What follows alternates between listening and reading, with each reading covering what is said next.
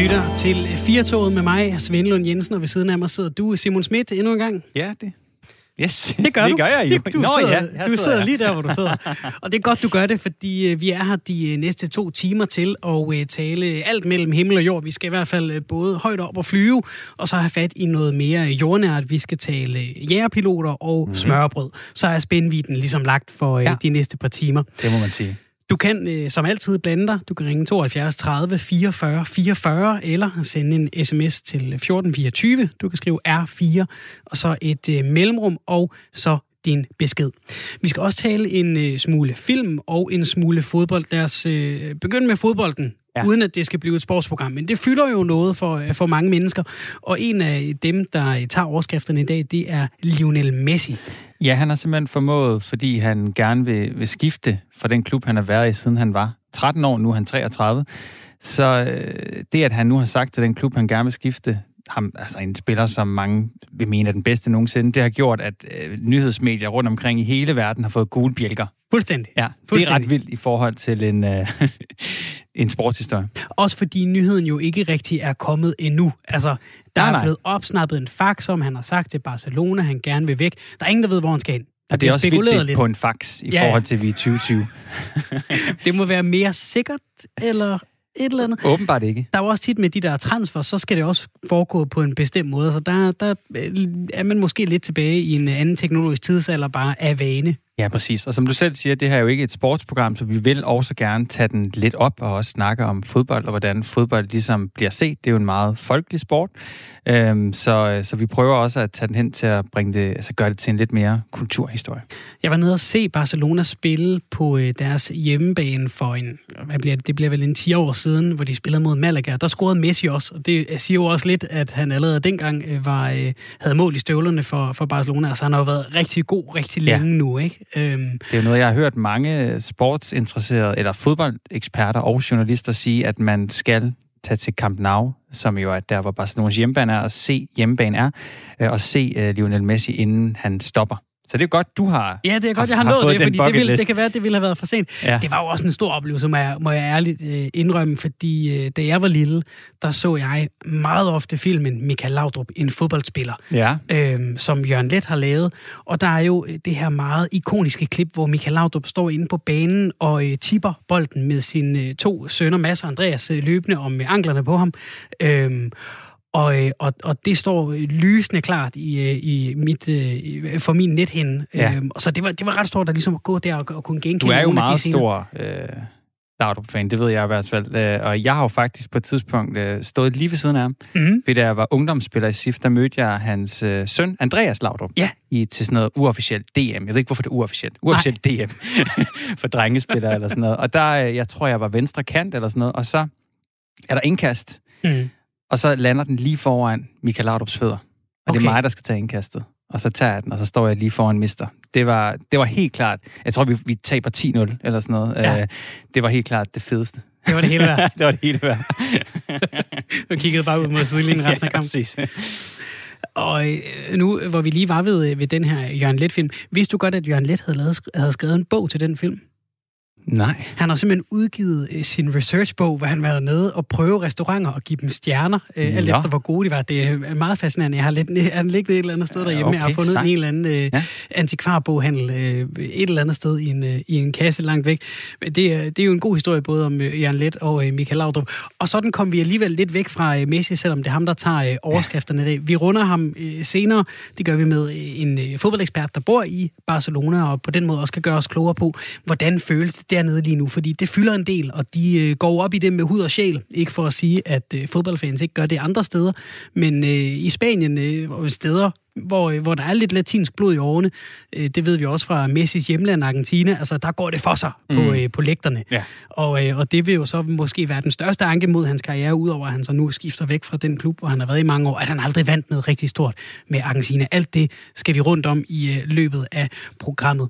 Vi skal altså også øh, højt op at flyve og tale øh, jægerpiloter og øh, hvad fremtiden holder der. øh, hvor stor en rolle skal mennesker spille, hvor stor en rolle skal computer spille, og så øh, taler vi også med øh, Ole Troelsø senere på timen om en ny bog, han har skrevet om smørbrød. Det er hans fjerde bog om smørbrød. Det skal vi høre lidt om, hvorfor. Ja. Hvorfor skriver man fire bøger om smørbrød? Ja. og, øh, hvorfor jeg, ikke stoppe ved den tredje? ja, præcis. Hvis jeg kender Ole ret, så har han masser af gode forklaringer på, hvorfor smørbrød er øh, evigt relevant, også i øh, 2020. Rigtig hjertelig velkommen indenfor her i Firtoget. Du kan ringe 72 30 44 44 eller sende en sms til os på øh, 1424. Du skriver R4 et mellemrum og så din besked.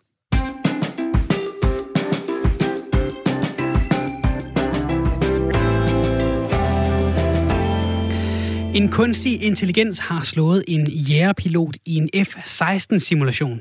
Det er hos firmaet Heron Systems, der har udviklet den kunstige intelligens, som i fem direkte dueller mod jægerpiloten vandt dem alle sammen. Det er ganske vist en simulation, så der er stadig et stykke vej til at komme i luften, men alligevel så har den her nyhed fået en del opmærksomhed i forsvarskredse. Major Carsten Marup er chef for øh, Center for Luftoperationer ved Forsvarsakademiet, og en af dem, der har bidt mærke i historien, og så er han også med hos os her i øh, Firtoget. Velkommen til, Carsten Maup. Jo, tak. Du kalder det her en øh, stor bedrift, der du skrevet på Twitter, at den øh, kunstige intelligens slår en erfaren F-16-pilot. Hvorfor mener du det? Skrev faktisk, at man må anerkende, at det ikke er nogen lille bedrift. Men okay, men okay lad os bare kalde det for en stor bedrift. Det er helt fint. Det giver jo rundt alt det samme. Ja, ja. Jamen, jamen, det er det selvfølgelig, fordi at der skal jo noget til for en computer, øh, for at kunne regne ud, hvordan det, her, det skal foregå. Når man laver sådan en, øh, en simuleret luftkamp, så handler det jo om, at man kan bringe sig i skudposition øh, i forhold til, til sin modstander, og så skyde ham ned, før man selv bliver skudt ned. Så det ene det er altså, at man skal tænke over, hvordan man selv kommer bedst derhen, hvor man har den største fordel. Men samtidig skal man være opmærksom på, at ens modstander jo også manøvrerer og prøve at komme i en position, hvor man selv kan blive skudt ned. Og det synes jeg, det er sådan rimelig godt gået, trods alt, af en, øh, en AI, at øh, det kan lade sig gøre for den og regne det ud. Hvor overraskende er det? Fordi nu har vi jo hørt historierne fra for eksempel skak, at så kan computerne slå øh, stormesterne, fordi der er jo en eller anden algoritme, altså en eller anden matematisk regnemetode til at regne nogle træk ud og tænke lidt frem og sådan noget. Hvad, hvad er det ved, ved den menneskelige komponent i at være jægerpilot, der gør, at, at det her det er lidt overraskende? Jamen, jamen, jeg vil faktisk sige, så overraskende er det så til gengæld heller ikke. Fordi netop som du lige selv sagde, så handler det om at regne noget ud, og det handler om algoritmer, og det handler at the end of the day, eller til syvende og sidst, om matematik. Fordi det computeren jo så skal, det er det, Oh, så forsvandt... Så forsvandt det. Det kan være, at uh, han har taget en tur i uh, sin F-16, og så uh, røg signalet. Ja. Vi prøver lige at se, om vi får uh, Karsten med igen her om et uh, kort øjeblik. Og vi taler altså om, at en uh, computer simulation har øh, slået en menneskelig F-16-pilot i, øhm, og, øh, og, og, og, i angreb med F-16. Og det er det, Carsten Marup, han er chef for Center for Luftoperationer ved Forsvarsakademiet. Han øh, var ved at fortælle os om, da der var nogen, der øh, kottede linjen. Det kan være, det er øh, det simpelthen var, øh, var... Nu har vi hørt meget om Forsvars Det kan være, det simpelthen er for giftigt. Det her. Vi har fingrene ja. helt nede i, at computerne kommer, og det er der nogen, der ikke vil have, vi finder ud af. Vi skal være bange for kunstig intelligens, åbenbart. åbenbart. Det er, det er simpelthen den kunstige intelligens selv, der har øh, taget telefonforbindelsen til øh, Carsten Maup. Simon, hvad tænker du om det? Altså, er du, øh, vi kan jo lige vente lidt her. Er du sådan en, der, der er nervøs for kunstig intelligens? Jeg, jeg bliver jo lidt bange, hver gang jeg ser en af de der, hvad det, der hedder, Boston Dynamics, Boston Robotics, hvor de laver den der robothund, der kan vælte en dør ind, og så ja. øh, kan man sparke til den, og så bliver ja. den ved med at gå videre. Og, og jeg ved jo ikke, hvad det er, jeg konkret er bange for, men, men det ser, det, det, jeg skal ikke have sådan en hjem til mig. Jeg har på et tidspunkt, øh, altså Øh, nu, ved, nu ved jeg, at Carsten er klar. Jeg kan bare lige hurtigt sige, ja, det er jeg ikke så nervøs for. Okay. Det er jeg ikke. Carsten Mar, vi har dig lige med igen. Der, der er sket noget. Den der, hun, den der hun er altså småklam, det er sådan set enig med dig. Men det, er det er jo heldigvis ikke den, vi taler om her. Den har ikke lært at flyve F-16-fly endnu. Nej, nej. Be- betyder det her, Carsten Mar, at jægerpiloter er, er, er langsomt, men sikkert på vej ud? Nej, slet ikke. Øh, nu ved jeg ikke, hvor langt det nåede før, det er ved at forklare, at I røg ud. Men, men, men, men det, jeg egentlig prøvede at sige, det var, at, øh, at lige præcis sådan en kamp her, hvor det handler om at være i den bedste position på det bedste tidspunkt, og regne alle de muligheder ud, der overhovedet er, for at komme i den position, der er det faktisk logisk nok, at en kunstig intelligens er hurtigere til at regne den slags ud end den menneskelige hjerne, fordi det til syvende og sidst handler om matematik. Men jægerpiloten foretager sig rigtig, rigtig mange andre ting, end at flyve luft til luftkamp. Og de ting, det kan den kunstige intelligens altså ikke udskifte øh, lige forløbet, hvis nogensinde. Og derudover skal man også huske, at luft-til-luftkamp er måske en af de roller, som vores jægerpiloter faktisk foretager sig aller, aller mindst. Faktisk findes der ikke en dansk jægerpilot, som har prøvet at skyde et andet fly ned i øh, luft-til-luftkamp. Og faktisk har det danske flyvåben, der blev oprettet i 1950, og som så fylder 70 år i år, aldrig nogensinde skudt et andet fly ned i en luft-luftkamp. Og så ved jeg godt, at der er nogen, der kan huske Kai Birksted, som jo fløj for Royal Air Force under 2. verdenskrig, og havde 10 nedskydninger og 10 øh, claimed nedskydninger også. Men det var jo før, at flyvåben blev oprettet. Altså når kunstig intelligens og maskiner sådan i, altså i teorien kan overtage øh, menneskers plads, øh, så tænker jeg sådan på droner, der, øh, der groft sagt, og ja, nu kan jeg understrege, groft sagt har betydet færre militære tab og større øh, Øh, civile tab. Vil den udvikling fortsætte, hvis vi antager, at kunstig intelligens kommer til at bemande jægerfly fremover? Jamen, jamen jeg, altså- igen vil jeg helst ikke sige, at kunstig intelligens kommer til at bemande jægerfly øh, fremover. Fordi, som sagt, altså en ting, det er det her luft-til-luftkamp, som er en, en af rollerne. Men, men, men de andre ting, som foregår i jægerflyet, det er kunstig intelligens ikke i stand til at overtage. Øhm, herunder for eksempel, når det er, at man laver luftangreb, og det vil sige, at man skal altså ud og så smide en bombe eller skyde et missil mod et øh, jordmål et eller andet sted. Der er der en helt masse overvejelser, som piloten skal træffe, inden at piloten vælger at, øh, at lave det, vi kalder for weapons release, altså at smide bomben eller sende missil afsted. Blandt andet så skal man leve op til krigens love. Det har man selvfølgelig tjekket op på inden, men finden er bare, at konteksten hele tiden ændrer sig. Altså folk flytter sig rundt. Så en ting det er, at man har nogle efterretninger, som siger, at det ser sådan ud, men når man kommer ud og skal til at gøre det, så er der en risiko for, at tingene har ændret sig. Piloten skal lave den sidste evaluering, inden at bomben bliver smidt. Øh, der er også det, vi kalder for collateral damage, altså de øh, negative følgevirkninger, der kan være af et angreb, hvor vi jo altid anstrenger os alt det, vi overhovedet kan, for ikke at lave negative følgeskader. Det er også piloten, der sidder og vurderer det. Og de her ting her, det kan kunstig intelligens ikke gøre for os. Så der vil være der er masser af ting, som piloten foretager sig, hvor, hvor kunstig intelligens ikke kan tage over. Er der sådan en, en grund til at se det her øh, i stedet for, og, så, og som, som vi havde malet det op og sige, jamen så får vi selvflyvende F-16 lige om lidt, så sige, jamen okay, måske er der nogle områder, hvor piloten kan blive hjulpet af det her, altså, øh, ja. så, så, så piloten kan, kan bruge noget af sin tankevirksomhed et andet sted, og så kan han få lidt, lidt, lidt kunstig intelligenshjælp, øh, der hvor den er god. Lige præcis. Fordi altså, man, man skal selvfølgelig kigge på sådan en forsøg, så siger man, okay, det ser spændende ud, og hvad kan vi så bruge det til? Og en af tingene kunne jo for eksempel være at bygge kunstig intelligens ind i flyet, sådan at hvis piloten skulle ende i den situation, at han rent faktisk kommer i en luft-til-luftkamp, at han så kunne trykke på en knap, og så siger han til flyet, den her, den tager du lige, mester, for du er faktisk hurtigt til hovedregningen, ja. Øh, det, det kunne være en mulighed. En anden mulighed kunne være det her med førerløse fly, at man kunne have fly ude sammen med piloten. Så han flyver en, en, information bestående af ham selv og sine flyver, og så er der måske en to-tre andre fly med af det, man kalder for loyal wingmen, altså loyale folk, som eller flyver med. Og der er ingen mennesker ombord på de her fly her. Det betyder for det første, at de kan bygges, så de kan dreje meget skarpere, fordi i øjeblikket har vi en begrænsning på, at vi kun kan trykke sådan cirka 9G, så mister piloten øh, bevidstheden, hvis det bliver meget højere end det. Men man kunne sagtens bygge et kampfly, som kunne trække 15 eller 20G, når der ikke er en pilot med. Øhm, og så samtidig har kunstig intelligens. Så igen, hvis det kommer til luftkamp, jamen så kan den menneskelige pilot i kampflyet sende sin loyal wingman afsted ud, og så fikser han den, øh, det i stedet for. Det er også en mulighed. Så der er masser af muligheder for at anvende det her øh, til noget, noget hensigtsmæssigt i, øh, i fremtiden. Og nu nævnte du, Major Carsten Maup, at vi ikke i Danmark øh, har for vane at deltage i luft-til-luftkamp. Vi har sådan set øh, ikke gjort det i flyvevåbens historie. Øhm, og, og det er jo i forvejen også sjældent, at det sker. Det er jo ikke noget, i hvert fald så vidt jeg ved, der sker, øh, der sker særlig ofte. Vil vi se et våbenkapløb for de nationer, der, der, der har mest luft-til-luftkamp, altså om hvem der først og bedst kan få det her AI implementeret? Det kommer jo an på, at altså, våbenkapløb er sådan et rimelig taknemmeligt ord, fordi det er jo sådan lidt, hvad man ligger i det. Altså, man kan sige, at, at, at de nationer, der har midlerne, de går som regel efter at udvikle den bedste kapacitet inden for de ting, de nu beskæftiger sig med. Det betyder jo for eksempel, at øh, man har luret, at det her med et fly, som har en, en, en lav radarsignatur, det vi også kalder for stealth, altså det er svært at få øje på, ja, det begyndte amerikanerne at, at, at bygge, og så er, er de andre sådan, store nationer, altså russerne og kineserne, jo fuldt godt med øh, på den. Øhm, så, så derfor er der helt klart en sandsynlighed for, at, at kunstig intelligens også bliver forsket i og bliver brugt i, i andre nationer, og selvfølgelig også vil blive implementeret i deres militære kapaciteter i, i, i, i de øh, hvad hedder det, tilfælde, hvor de finder det øh, hensigtsmæssigt. Øh, gør det nogen forskel, at øh, simulationen foregik i et øh, F-16-fly og ikke i for eksempel et øh, F-35? Nej, det gør det faktisk ikke. Øhm, man kan sige, at hvis du skal have en erfaren pilot, som har fløjet mange timer og er god til den slags, så vil det være en lille smule ærgerligt at tage et forholdsvis nyt fly, hvor der ikke er ret mange piloter, der har, har fløjet. Øh, der er faktisk ikke nogen, der har haft sådan flere tusind timers øh, øh, erfaring på, øh, på den platform. Så derfor giver det god mening, at man ligesom siger, for ellers så vil, så vil, så vil altså undskyldningerne vælte ind fra pilottiden og sige, at ah, han har jo ikke fløjet så meget. Øh, så, så derfor giver det super god mening, at man tager en, en pilot, som er gennemprøvet på den her platform og siger, den er han altså bare mester i. Øh, men, men, men når det så er sagt, altså AI'en og piloten fløj samme type fly i simulationen. De havde de samme parametre at flyve med. Så derfor så, så er at, at, at det er ikke så vigtigt som sådan, hvad det er for en flyver. Men igen, selvfølgelig, piloten skal jo ligesom være rigtig dygtig til at kunne håndtere flyet.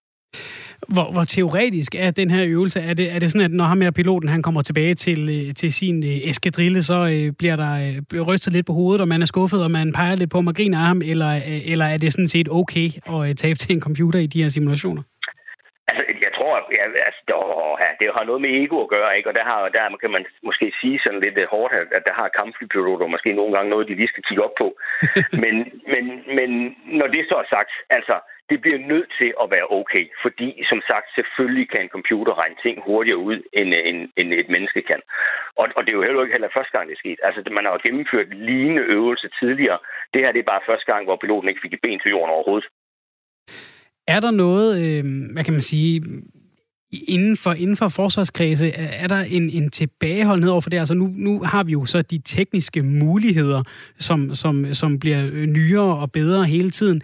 Er der et, en eller anden komponent af, at man, at man i forsvarskredse er sådan lidt, kan man være lidt forbeholden over for, at, at de her øh, teknologiske muligheder bliver bedre og bedre? Altså netop som vi har snakket om, at, at det er smart i forhold til collateral damage osv., at det er et menneske, der sidder og tager øh, beslutningerne? Ja, det er, det er det helt klart. Og, og forbeholdet består i, at en, en AI kan for eksempel godt trænes til øh, og programmeres til at, at, at vælge mellem A og B. Men det er ikke det samme, som den kan finde ud af, hvad konsekvensen er ved at vælge A frem, til, frem for B. Det, den kan få lagt, det er, at den kan få lagt nogle forudsætninger op og sige, at i den her tilfælde, der skal du gøre A, og i det her tilfælde, der skal du gøre B.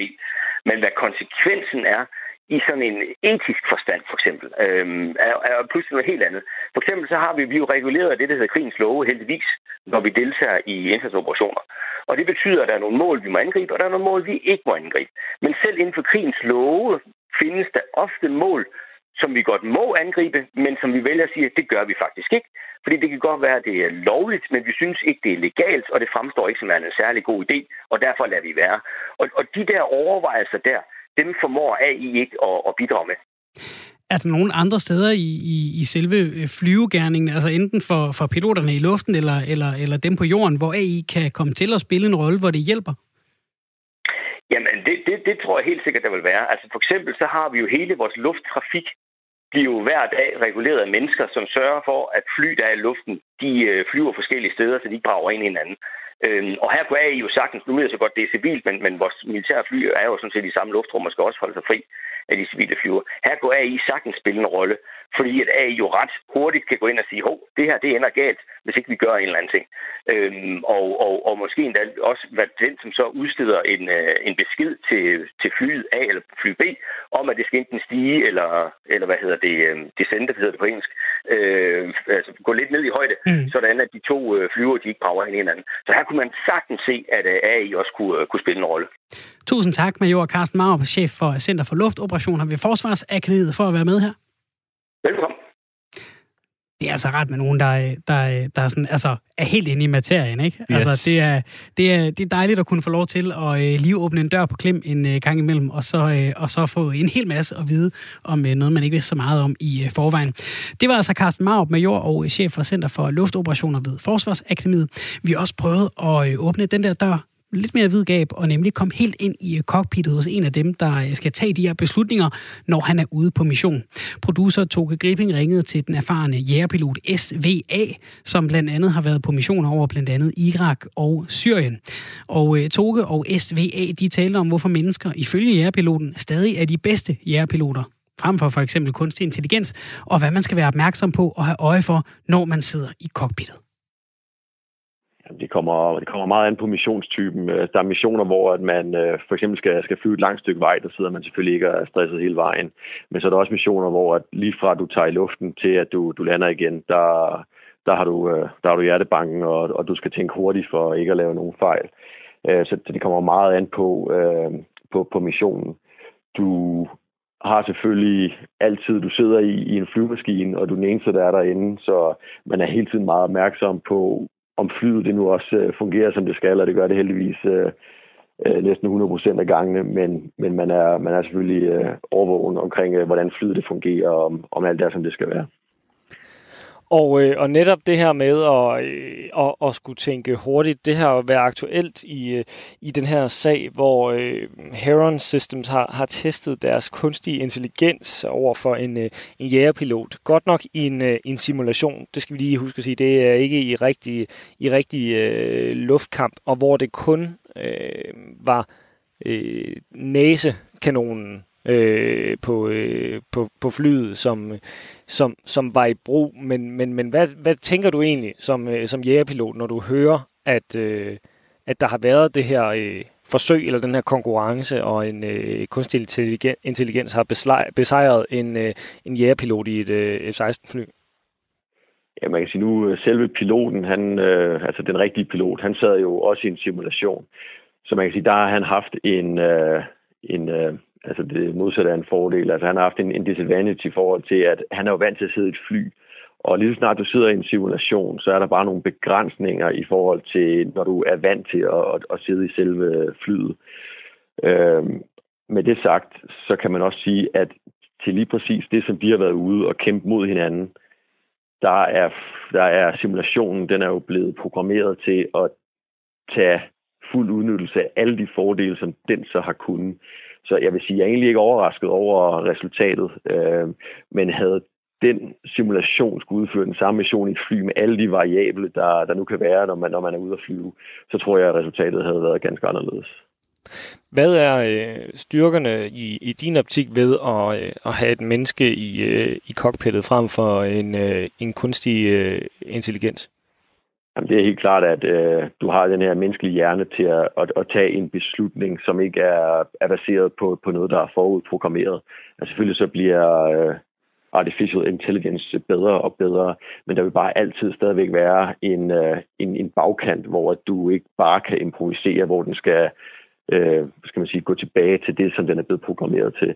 Så hvis nu er at vejret er forskellige, eller det målområde, du er blevet øh, tasket til at, at tage ind og, og, og bombe, at det er, ikke er, som du havde forventet, så vil du som menneske kunne tage nogle beslutninger, som en, en, en computer ikke ville kunne gøre. Ja, har du selv øh, på noget tidspunkt øh, været tvunget til at, øh, at skulle træffe en, en hurtig beslutning under nogle omstændigheder, der har ændret sig fra, da du lettede til, at du så var i, øh, i luften? Ja, ja, det vil jeg sige. Det sker, det sker oftere, end man skulle tro. Altså, det kan være alt fra vejr, der ændrer sig, som, som gør, at altså, der, for hvis der er meget is i skyer, som øh, ikke har særlig godt, som flyet ikke har særlig godt af, så, så skal man tage nogle beslutninger omkring det, og hvordan en, en computer vil håndtere det, det, det, det skal jeg så ikke kunne sige. Men ellers, så, altså, der, der er mange ting, altså alting, øh, hvad der vedrører flyvning, det er utroligt dynamisk. Øh, det kan være alt fra vejr til fejl, til hvad du oplever, og hvad der ellers er ude i, i luftrummet, så, så der er rigtig mange ting, som, som kan ændre sig, som kan være svære at programmere sig ud af i hvert fald. Er der også nogle, øh, jeg vil næsten ikke kalde det etiske overvejelser, men så alligevel altså i forhold til, når man skal afveje det, der øh, på godt gammeldags dansk hedder øh, collateral øh, damage? Jo, altså det, det vil der jo helt sikkert være. Så når vi er tasket til et eller andet, så vil vi jo tage ud, og vi vil have kig ned i, i målområdet, og så vil vi afsøge det for, for ja, som du selv siger, collateral damage. Og der hvis vi er på den mindste måde i tvivl, så kan vi jo så stille spørgsmål højere op. Og altså, vi kan jo tage en vurdering af det område, vi kigger ned i. Og der ser jeg heller ikke, at en, øh, en, en computer vil kunne, kunne tage de samme beslutninger og have de samme bekymringer, som man som menneske vil, vil have i sådan en situation. Men er der så nogle områder, hvor, øh, hvor øh, computeren øh, eller den kunstige intelligens øh, trods alt vil have nogle, øh, nogle fordele i forhold til en, en menneskelig pilot? Ja, men som du, som du nævnte til, til at starte med, så hvis, hvis man skal ind og, og være en mod en, og man kun har, øh, hvad skal man sige, maskinkanonen til, til rådighed, så vil computeren jo have den fordel, at den kan foretage tusindvis af beregninger i sekundet. Altså lidt ligesom hvis du, hvis du kører på en motorvej med en adaptiv fartpilot på nogle af de nyere biler, så kan den jo holde altså helt præcis antal meters afstand op til den forankørende. Hvor du som menneske, der skal du hele tiden sidde og kigge frem, og du skal se, hvad der sker med bremselygterne, og med den øh, afstand, der er op til køretøjet foran, og justere din, din fod fra den ene pedal til den anden, hvor det kan en computer beregne så meget hurtigere. Så sådan noget som at tage forsigte og tage en masse beregninger på den radarlås, man nu vil have, det vil en computer alt andet lige være lidt bedre til, hvor man som pilot vil være, der, der, skal, man, der skal man gå tilbage til, til alt det, man har lært og igennem sin mange, øh, mange år i uddannelse, og så gøre det bedste, man nu kan, og så man, øh, som, som man kender det fra så mange andre ting, så jo mere man træner, jo bedre bliver man, hvor en computer, den, den kan beregne de her ting, uden at have det, de samme begrænsninger, hvis man kan sige det sådan. Hvad med i forhold til, til kommunikation? Altså, øh, kan, kan en computer da være lige så øh, præcis i forhold til at sende koordinater ud og, og, øh, og give øh, tilbagemeldinger osv., som, øh, som en menneskelig pilot ville kunne? Altså i forhold til at udtage koordinater, der vil det jo være op til selve flyet og sensorernes begrænsninger. Øh, så der kan man sige, der vil en computer nok ikke kunne gøre det bedre som sådan end, end en pilot. Øh, og så med alle de her ting, som man som menneske kan beskrive, hvad der foregår nede på jorden eller ude i lufthavet, det vil en computer nok mere skulle gøre på, på baggrund af den sender noget data hjem, som der så alligevel vil skulle sidde et menneske og, og, og fortolke. Så der, jeg, jeg, jeg siger ikke, at, at en computer ikke vil kunne gøre det lige så godt, men jeg har stadigvæk øh, min tvivl om, at det vil nok være nogle år ude i fremtiden, før at, at man kan se det på samme måde. Der vil stadigvæk skulle sidde et menneske i den, i den anden ende og, og fortolke de data, der kommer tilbage. Nu øh, har vi været inde øh, et par gange på, at, øh, at, at den her direkte øh, en mod en kamp, at der kan maskinen øh, have nogle, nogle, nogle fordele. Tror du egentlig, øh, hvis du skal komme med et personligt øh, slag på, på tasken, at der så øh, med stigende brug af, af kunstig intelligens i, øh, i militær sammenhæng kan opstå flere øh, situationer, hvor for eksempel i luftkamp, at så ser man øh, jægerpiloter mod droner eller, eller fly bemandet af, af kunstig intelligens, fordi man på den måde øh, potentielt kan, kan, spare, øh, kan spare menneskeliv? Det, altså på et eller andet tidspunkt, så tænker jeg helt sikkert, at man vil se det, men, men, men det kommer nok an, det, skal vi, det vil nok være i specialiserede opgaver, ligesom vi allerede ser det nu med, med droner, der, laver, altså der kan flyve lavere højde og, og være inden for, for faren, hvis man kan sige det sådan, at, at de kan blive skudt på, øh, uden at man nødvendigvis, at der både ryger et, et dyrt fly og et, et, et menneskeliv.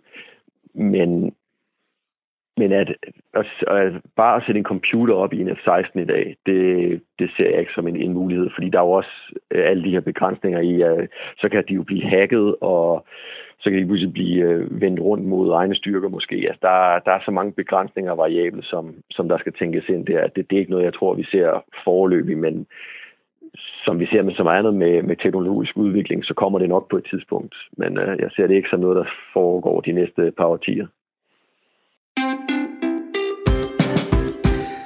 Og således øh, videre fra øh, jægerpilotgærningen. Simon, vi skal lade en lille leg, der hedder mere eller mindre. Det er øh, et lille sted i programmet, hvor vi taler om noget, der enten fylder for meget eller fylder for lidt. Altså noget, vi hører lidt for meget om, eller noget, vi godt faktisk kunne høre lidt mere om. Jeg kan godt lægge ud, fordi jeg har fundet yes. noget, jeg synes, vi hører for meget om. Og øh, det skal handle en lille bitte smule om fodbold, så bær over med mig. Pione Sisto, det er jo ikke lige præcis den øh, store fodboldtransfer, der tager øh, overskrifter i dag. Det kan det være, at de er lidt kede af det inde i øh, Parken Sport og Entertainment, når nu Messi øh, tager overskrifter de fleste steder. Men FCK er til synligheden ved at hente Pione Sisto hjem fra øh, Celta Vigo. Der er øh, nogen, der har kunnet følge et fly, som øh, man har kunnet forbinde til Lars Seier, og øh, det er rejst fra øh, Celta øh, Vigo øh, i nat, og øh, så var der nogen, der så Pione Sisto ude foran parken i går, og han er set i København i dag, og øh, Ekstrabladet har allerede vilkårene osv., så det, det kommer sandsynligvis til at ske. Det, det må vi sige. Øhm, og, øh, og det, det, det, der fylder for meget, og, og nu skal der ikke gå tankepoliti i det, men det fylder simpelthen for meget i hovedet på fodboldfans, hvor spillere spiller, og hvor de har spillet før. Ja. Nu tjekkede jeg lige Pione Sistos Instagram. Han har lagt et billede op for nogle dage siden, hvor der står, jeg kommer tættere og tættere på min sande glæde. Og så er der slange-emojier nede i, i kommentartråden. Der er en, der skriver, en, en, en ulv, altid ulv. Bare, bare du ikke tager til FCK. Det kan ikke være sandt. Øh, kom tilbage til heden. Du er fjenden nu. Lige så meget du var elsket, lige så meget vil du være hadet. Vi så det med Kamil Vilcek for nogle uger siden, altså ja. Øh, Brøndby-legenden, der spillede der i hvad et halvt år. Ja. Øh, men så var kommet for vej at sige øh, en gang Brøndby, altid Brøndby, eller Brøndby hjertet, eller hvad han nu havde sagt. Der faldt mange Brøndby-fans for brystet, da han så tog til Tyrkiet, ikke fik succes, skiftede til FCK.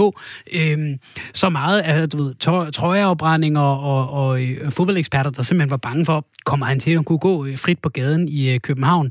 Vi så en spiller, der er skiftet fra AB, Patrick Olsen, han er skiftet til AGF, og det sidste billede, han havde lagt på sin Instagram, da det her skifte finder sted, det var et billede af sin kæreste, hvor han har skrevet syv år med dig, min dejlige elskede, hvad han nu havde skrevet. Og, og det druknede i kommentarer med Judas, Rotte, øh, fuck dig, vi gav dig karrieren tilbage. Øh, vi så det med Jens Dage, da han skiftede fra AGF til FCK, hvor der var nogen, der smed en Molotov-cocktail ind i hans lejlighed undskyld, men, men, men så er det altså heller ikke værd. Jeg er godt med på, at man går op i fodbold, og det kan ja. være, det er nemt for mig at sige, fordi jeg ikke har et hold, jeg brænder for på samme måde, men, men det er simpelthen lige meget, der, I skal jo ikke sidde voksne mennesker og kalde øh, hverken øh, Pionicisto eller, øh, eller hvad han vælger at bruge sin karriere på for klamt. Det, det nytter jo ikke noget. Det er jo ikke en måde at tale til eller om hinanden på. Og så måske, ved du hvad, så kan I lave en lille privat tråd på jeres telefoner, hvor I skriver det frem og tilbage til hinanden. Lad være med at begynde at skrive det til Pionicisto. Det hjælper da ikke ham. Og han har haft det hårdt, at der har været corona. Han er flygtet hjem til Danmark øh, i øh, ly og mørket og fået skæld ud og bøder af sin klub for det. Der er ikke nogen grund til at køre på manden. Ja. Bare fordi han er dygtig til fodbold, så er han jo ikke mere hærdet end alle os andre. Lad det ham blive glad. Altså på et tidspunkt troede jeg, at du var bare af en tangent, Svende, men jeg må indrømme, at jeg, jeg er enig med dig. Jeg synes, at uh, man skal jo opføre sig ordentligt, men det er okay, at fodboldfans er passionerede. Ja, ja. ja det skal der være plads til. skal opføre sig ordentligt. Ja. ja. det fylder for meget. Ja. Enig. Jamen, og, og ved du hvad? Fair nok, at så må vi jo gerne synes, at folk øh, tænker med øh, pengepungen, når de vælger, hvor de skal spille fodbold, og ikke med hjertet. Ja, det tror jeg altså, der er mange af os, der gør. At hvis man står nede på Shell, og så kommer Q8 og siger, at du kan få 2 millioner mere om året ved at stå og sælge Twin Dogs over hos os, så er der altså nok ikke mange, der siger, nej, nej, ved du hvad, det er et ja, skridt for langt, ikke? Det er virkelig også et brandtilbud. Der, og der er jo noget tilfældighed i, hvor man begynder at spille fodbold, ikke? Altså, Pione Sisto øh, har rødder øh, i Afrika. Han er tilfældigvis landet i Danmark i nærheden af Midtjylland. Så er det der, han kommer til at spille. De store klubber trækker de store talenter. Ja. Fair nok. Og så er man jo, man er jo glad for at være der, hvor man er. Man er lojal til et vist punkt, så drager man jo ud i verden for at prøve sine evner af. Nogle gange går det godt, nogle gange går det skidt, så skal man hjem igen herregud, så er det heller ikke værre. Hvis Pione gerne vil være glad og bo i København og spille for FCK, så færre nok. Enig. Så det fylder lidt for meget, tror jeg, op i folk. Og det er jo igen ikke for at lege tankepoliti. Man må gerne være passioneret, man må gerne gå op i fodbold. Find endelig på nogle sjove sange ude på stadion, der ikke øh, er, øh, går over grænsen på, på nogen måde. Ikke? Altså, det er også en del af det sportsmanship og gamesmanship, der er i, øh, i fodbold. Og det er jo kun sjovt, når, når klubberne kan prikke lidt øh, til hinanden, og øh, deres øh, fans lige så. Men, men lad os holde os for gode til, altså både almindelige fodboldfans og ministre på den måde, og, øh, mm. og, øh, og, og, og stikke næsen for langt frem og være lidt for meget pegnfingret ned, ned, synes jeg. Du har, fundet, du har fundet noget, Simon, du synes fylder for lidt? Noget, der fylder for lidt, ja. Altså, øhm, altså nu øh, går vi lige væk fra sport.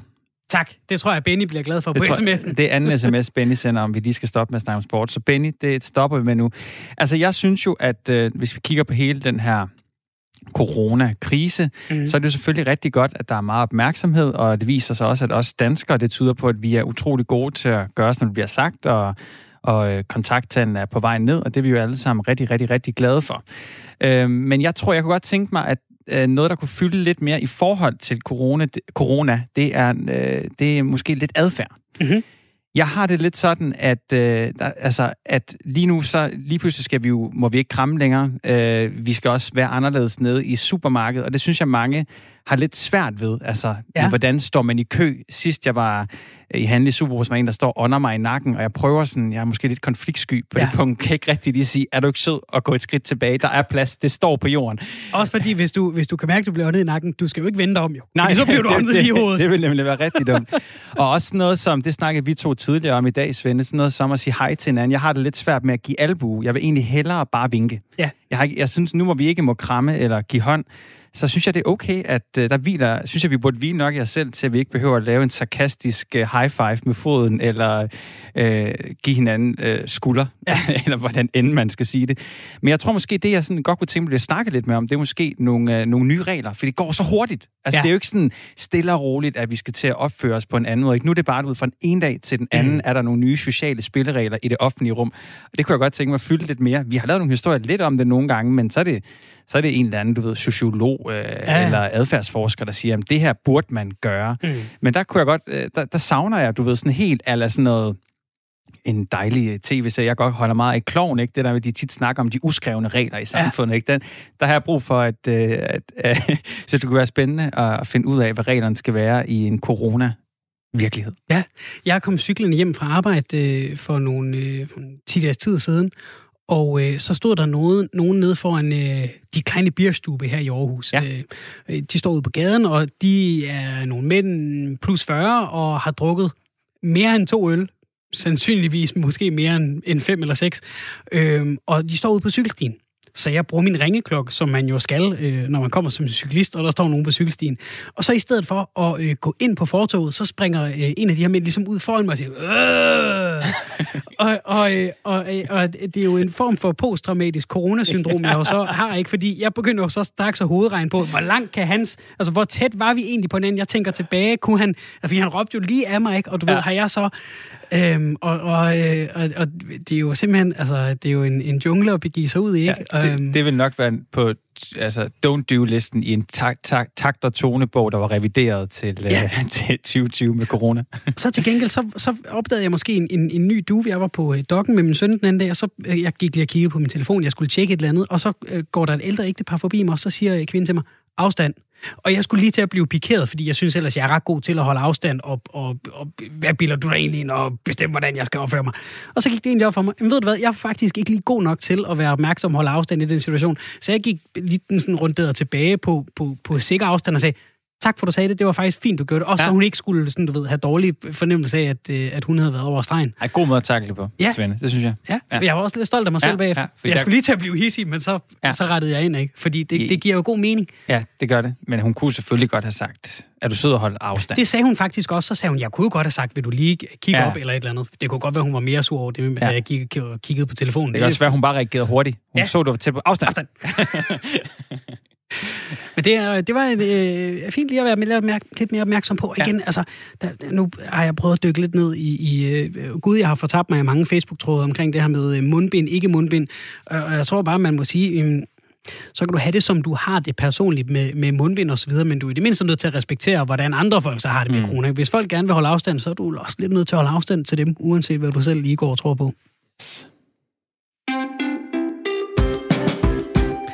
Til efteråret udkommer bogen The Book About Smørbrød. Titlen er meget lidt kryptisk. Det er ganske rigtigt en bog på engelsk om smørbrød. Forfatteren til bogen, det er dig, Ole Troelsø. Du er gastronomiredaktør på øh, Børsen. Velkommen til programmet. Tak for det.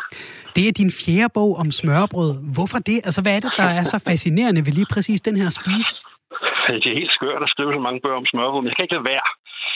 Øhm, jamen, det er fascinerende, fordi at det på én gang er urdansk, altså urgammelt og traditionelt. Men samtidig så er det i bevægelse. Altså, siden jeg begyndte at skrive om det i 2012, så har det konstant blevet bedre og bedre, mere og mere varieret og, og mere berømt, end, end det har været før. Så der, der bliver ved med at være noget at skrive om. Og hvis vi lige sådan skal prøve at kode det lidt ind, hvad er smørbrød så? Altså, hvilke kriterier skal være opfyldt, for at man kan kalde noget for smørbrød? Brød, det er det allervigtigste. Smør er det næstvigtigste, og så skal der pålæg på. Så er det smørbrød, altså i, i, i, i, den, i den danske, i den originale forstand. Og hvorfor på, øh, hvorfor på engelsk? Altså er smørbrød noget, der har verdens interesse? Men det er det, altså hvor, hvor, hvor vi før i tiden øh, havde smørbrød som noget, vi alle sammen kendte, men det var ikke noget, man gik ud og spiste, hvis man skulle ud og spise fint, spise godt eller noget. Øh, vi havde det lidt for os selv, men, men nu er det blevet øh, noget, som udlændingene er meget interesseret i.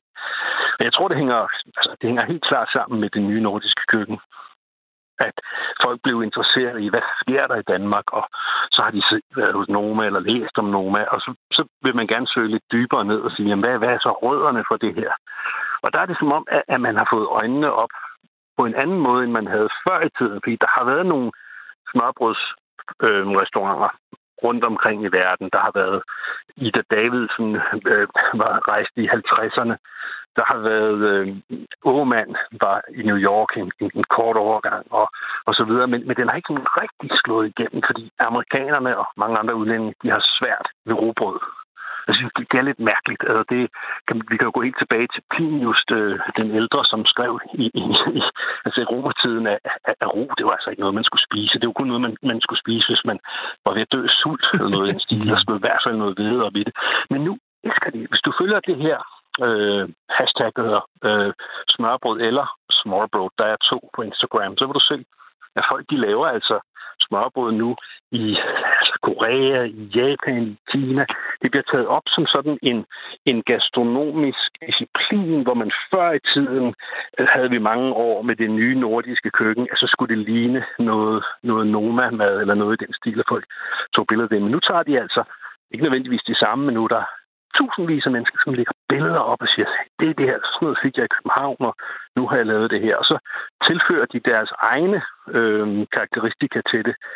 Det er det, der gør, der gør det spændende, at, at, at det stadigvæk er i udvikling. Det er jo ikke sådan, at de bare laver den samme fiskefilet, de fik et eller andet sted i, i Danmark, men, men, men de tager den videre og arbejder med den der brød, smør, topping. Der er så nogen, der ikke kommer smør på. Øhm, og det skærer mig jo altid lidt i hjertet, fordi jeg synes, det er vigtigt.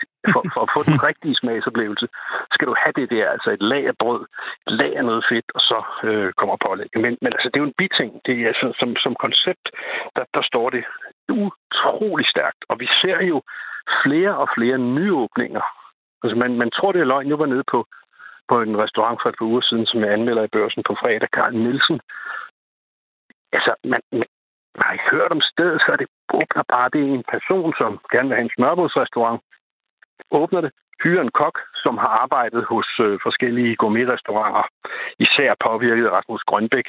Og pludselig så står der et stykke smørbrød foran mig, og jeg hold op, det har jeg ikke set før det her. Og det, det, det er formen, og det er smagen, men det er, at man, man, man tager det højgastronomiske islet og får det vævet ind i mad, uden at det skal sådan være fancy-pansy, men nu, nu skal vi lave noget fint, og så gør vi det på brød. Det er sådan, der er flere og flere, der forstår det. Okay, hvad er udgangspunktet? Hvordan kan vi gøre det mere interessant, ikke? Ole, jeg vil gerne lige vende tilbage til, når du sagde helt øh, til, at, til at begynde med, altså at grunden til, at du har skrevet fire bøger, er, at de ligesom bare udvikler sig. Øh, jeg har selv haft fornøjelsen af blandt andet at spise på restaurant øh, Palægade, som var en, øh, en, ja. en, en, en rigtig dejlig oplevelse, en virkelig god oplevelse, men det kostede selvfølgelig også lidt penge.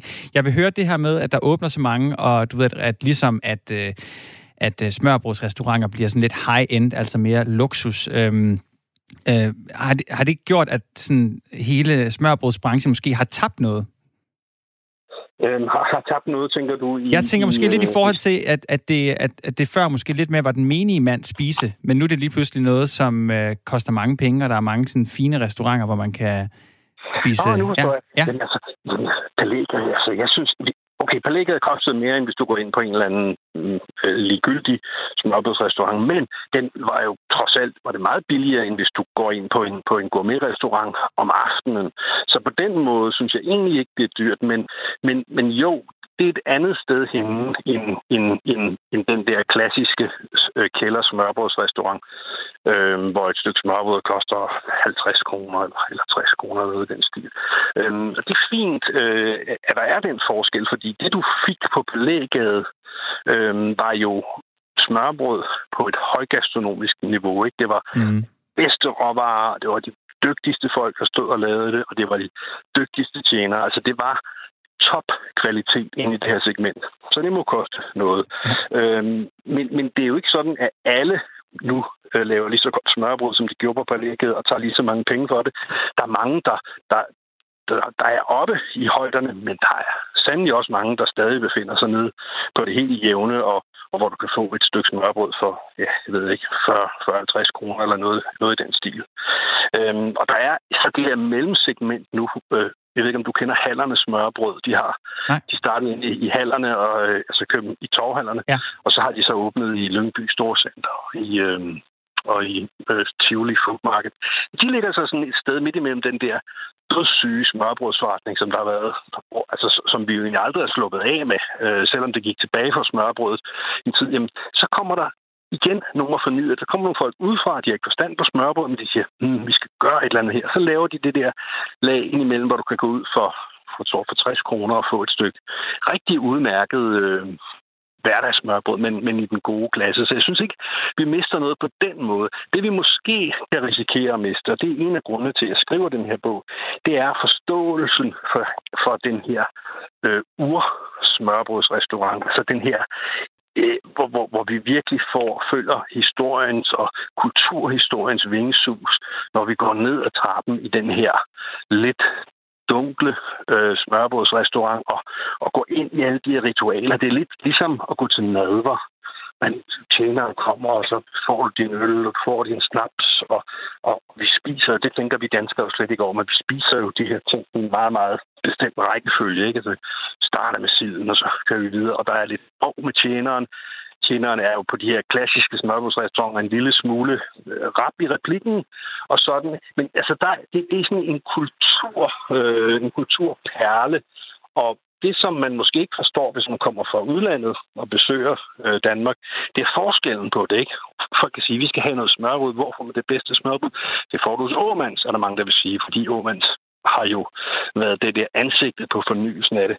Og Åmands laver også dejligt smørbrød, men du får ikke den der nadver hos Åmands. Der skal du ned i øh, Slotskælderen hos Kik, eller på Sjønemand, eller nogle af de andre steder. Og det synes jeg er interessant. Der ser jeg mig selv lidt som smørbrødsuniversets Carsten Niebuhr, ikke? Altså, jeg, som han rejste til Arabien i 1700-tallet og tegnede det her ukendte land op, så prøver jeg at tegne et kort af, af, af smørbrødsuniverset for at give folk de her oplevelser. Fordi det er jo, det er jo ligesom med kunst, hvis man går ind som syvårig øh, eller 10-årig, eller hvad ved jeg, 30-årig for første gang på, en, på, en, øh, på et museum og ser Gernika eller noget andet, står man og klør sig ud og siger, om hvad det er, hvorfor skal jeg kigge på det? Det er da ikke, måske ikke så pænt. Man skal have det forklaret, og det er lige sådan med smørbrødet.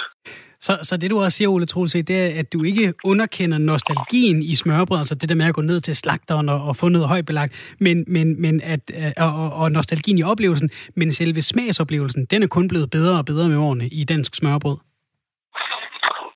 så altså den er i hvert fald, hvis vi med årene, jamen så der er sådan et vendepunkt. Men skal vi sige fra omkring år 2000, der er det blevet bedre og bedre og bedre. Der er blevet mange steder, hvor det er blevet bedre og bedre. Der er stadig nogen, der, beholder, der holder sig nede på et niveau, altså som, altså, hvor, det, hvor det nærmest er uspiseligt. Øh, det, det, det er der. Øh, men det må vi se bort fra, for det generelle niveau er kommet meget højt op, og der har aldrig været så mange, der laver så godt smørbrød som nu. Det, det er helt sikkert. Hvor stammer smørbrød fra? Det stammer fra København. Ja, ganske enkelt. Ganske enkelt. Der er der så nogle, der er nogle, nogle genier, der var ude for noget tid siden, og det var SAS, den der reklame. Ja, det kommer fra, fra Holland, og vi har slet ikke opfundet det. Det er jo det værste vås. Butterbrot er fra Holland og fra Tyskland. Alle mulige steder spiser man brød med smør og et eller andet. Det er klart. Men den højt belagte, det er 100% sikkert, starter i København, og det starter formentlig ind hos Louise Nimp i Tivoli, som begynder at arbejde med de her opbygninger, fordi vi pludselig begynder at få nogle penge, vi ikke har haft tidligere i historien. Der kommer penge til København, det bliver en sådan finanscentrum for landet og handelscentrum.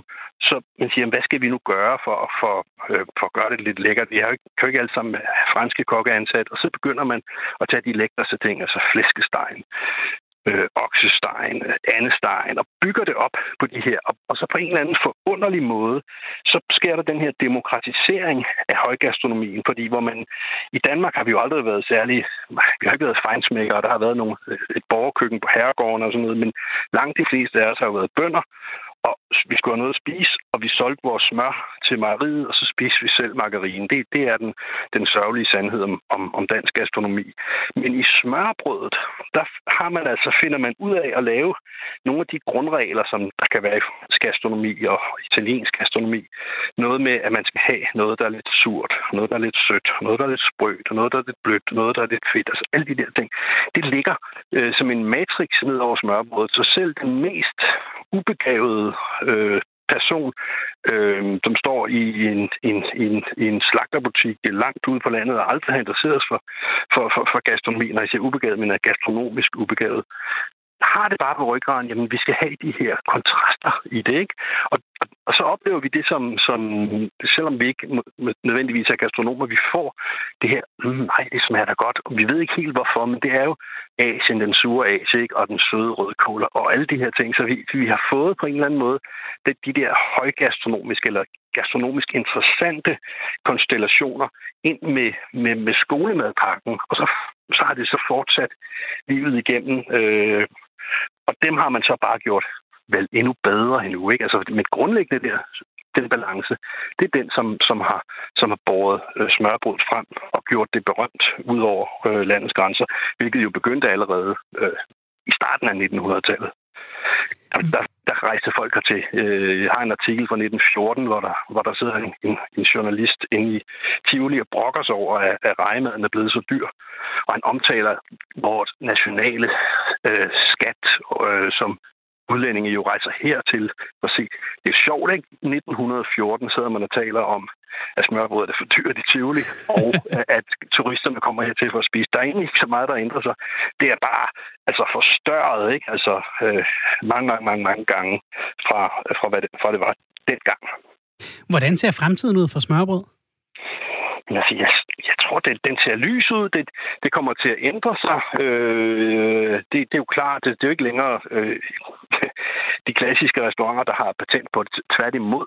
Øh, der er jo flere og flere, som, som øh, begynder at, at eksperimentere med andre former. Jeg tror, vi kommer til at se mindre, bange for mindre smør under øh, smørbrød. Vi kommer til at se øh, meget mere grønt på smørbrødet hvilket igen er, er, er, er en trend, som, hvor vi egentlig vender tilbage til de, nogle af de allertidligste opskrifter fra begyndelsen af 1900-tallet. Jeg har en samling med 30 stykker vegetarisk smørbrød, så, så heller ikke er der noget nyt. Men jeg er sikker på, at vi vil blive ved med at, øh, at spise det, og den her øh, øh, hvad hedder den Lonely Planet Guide, som er en bog over The 500 Best Eats, altså verdens 500 bedste specialiteter der havde de smørbrød som nummer 6 før øh, pizza margarita. Ikke? Det er noget, der slår igennem. Nu har vi så et coronaproblem i øjeblikket, der gør, at vi ikke har den samme strøm af, af, af turister, som kommer ind og spiser smørbrød, men må ikke det, det vender tilbage. Og så kan jeg kun se, at det vil, det vil brede sig endnu mere.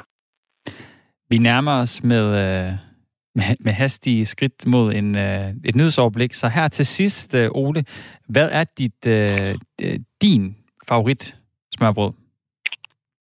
Min favorit smørbrød, jamen altså, jeg er nødt til at sige, at det er et stykke smørbrød, der hedder ristet rørt tatar Ole Troelsø, som, som øh, de har været nede på, på Sjønemand. det, det, det, det, er den her øh, pariserbøffen, en pariserbøf, der, der, ligesom er, der ligesom er ophøjet. Det er ikke den, jeg spiser mest, men hvis jeg skal sige min, min yndling, jamen, øh, så er det den. Hvad er dit sikre kort, altså hvis du nu er ude og, og skal have smørbrød og skal være sikker på, her får jeg noget, der ikke skuffer. Hvad går du så med? Øhm, hønsesalaten øhm, vil, jeg, vil jeg ofte øh, gå efter, fordi den, er sådan, den, den ligger sådan midt imellem. Øhm, den kan, det, kan, det er svært at, at ødelægge den, så det vil jeg sige, det, det er et safe bet. Tusind tak, Ole Troelsø, gastronomiredaktør på øh, Børsen og forfatter til The Book About Smørbrød, der kommer til efteråret. Kan vi blive mere præcise, eller er det bare efteråret indtil videre? Det er efteråret, ja. vi holder øje med det. Tusind tak, Ole. Selv tak. Hej. Hej. Og så bliver det altså spændende at se, om vi kan klare programmet helt til klokken 17, uden at løbe ud og prøve at proviantere lidt, så man får, åh oh, ja, jeg er sulten nu. Ja, hold da op. Det er jo også dejligt, når man nu bliver spurgt, hvad er dit yndlingssmørbrød, så at kunne have et, der er opkaldt efter sig selv. Ikke? Ja, ja, ja, det må det, være målet. Det må nemlig være et live goal. det kunne være, at vi skulle nå at spørge Ole Trose. Er det simpelthen, fordi han så er kommet med opskriften, eller fordi han har været så irriterende i så øh, lang en periode nede på Sjønemands, at de har været, ved du hvad, du får det ja. der. Vi gider ikke, at du skal øh, ændre på opskrifterne, og der skal der lidt af det, og lidt mindre af det, og Du er, du er, du er ellers uh, smørbrødsaficionater, kan jeg høre. Jamen, jeg har været på den der... Jeg har været på flere. Jeg har både ja. været på altså, to favoritter Palægade, ikke, som jeg lige nævnte. Den, uh, der kan man få en ret vild... Uh, ja, der er det hele sindssygt. Altså, uh, uh, så er der selvfølgelig Peter Okse. Vi nævnte Jørgen Let tidligere. Det er et ja. sted, hvor han har et stambord, okay. som ligger på Gråbrød Torv i København. Det er også et, uh, et forrygende sted. Jeg tror ikke. Ja. Du tror ikke hvad? Jeg tror ikke, mens vi havde Ole sige, at jeg ikke er så vild med smørbrød. Nej, nej. Fordi det der med, at der skal være noget surt og noget sødt og noget, øh, noget med bid i og noget. Jeg synes altid, der er to ting på sådan en smørbrød, jeg ikke kan lide. Okay. Altså, så det er, det er ikke rigtig noget, jeg har kastet mig ud i. Altså, jeg, jeg tror, jeg synes, det er noget af det lækreste, der Sky, og jeg ja. kan ikke lide Asia. Og der, du ved, der er en masse ting, og ja. noget af det måske har jeg ikke rigtig smagt det. Ja. Men, men, men, men der er et eller andet med det der. Det, det er ikke lige for mig. Men, men jeg har stor respekt for fascinationen af det. Ja, det har også stor respekt for hans fascination. Det må jeg sige. Det kan være, øh, nu øh, jeg talte med Ole tidligere i dag, da, da jeg skulle lave aftale med ham, der er også opskrifter i den her bog, så det kan faktisk være, at jeg skal ud og anskaffe mig et eksemplar netop, så, og, og prøve at give mig et kast med det øh, derhjemme. Der er øh, et øh, højt belagt øh, program den næste times tid også frem mod klokken 5, men inden da skal du have et nyhedsoverblik, det skal du naturligvis, fordi klokken er blevet 4.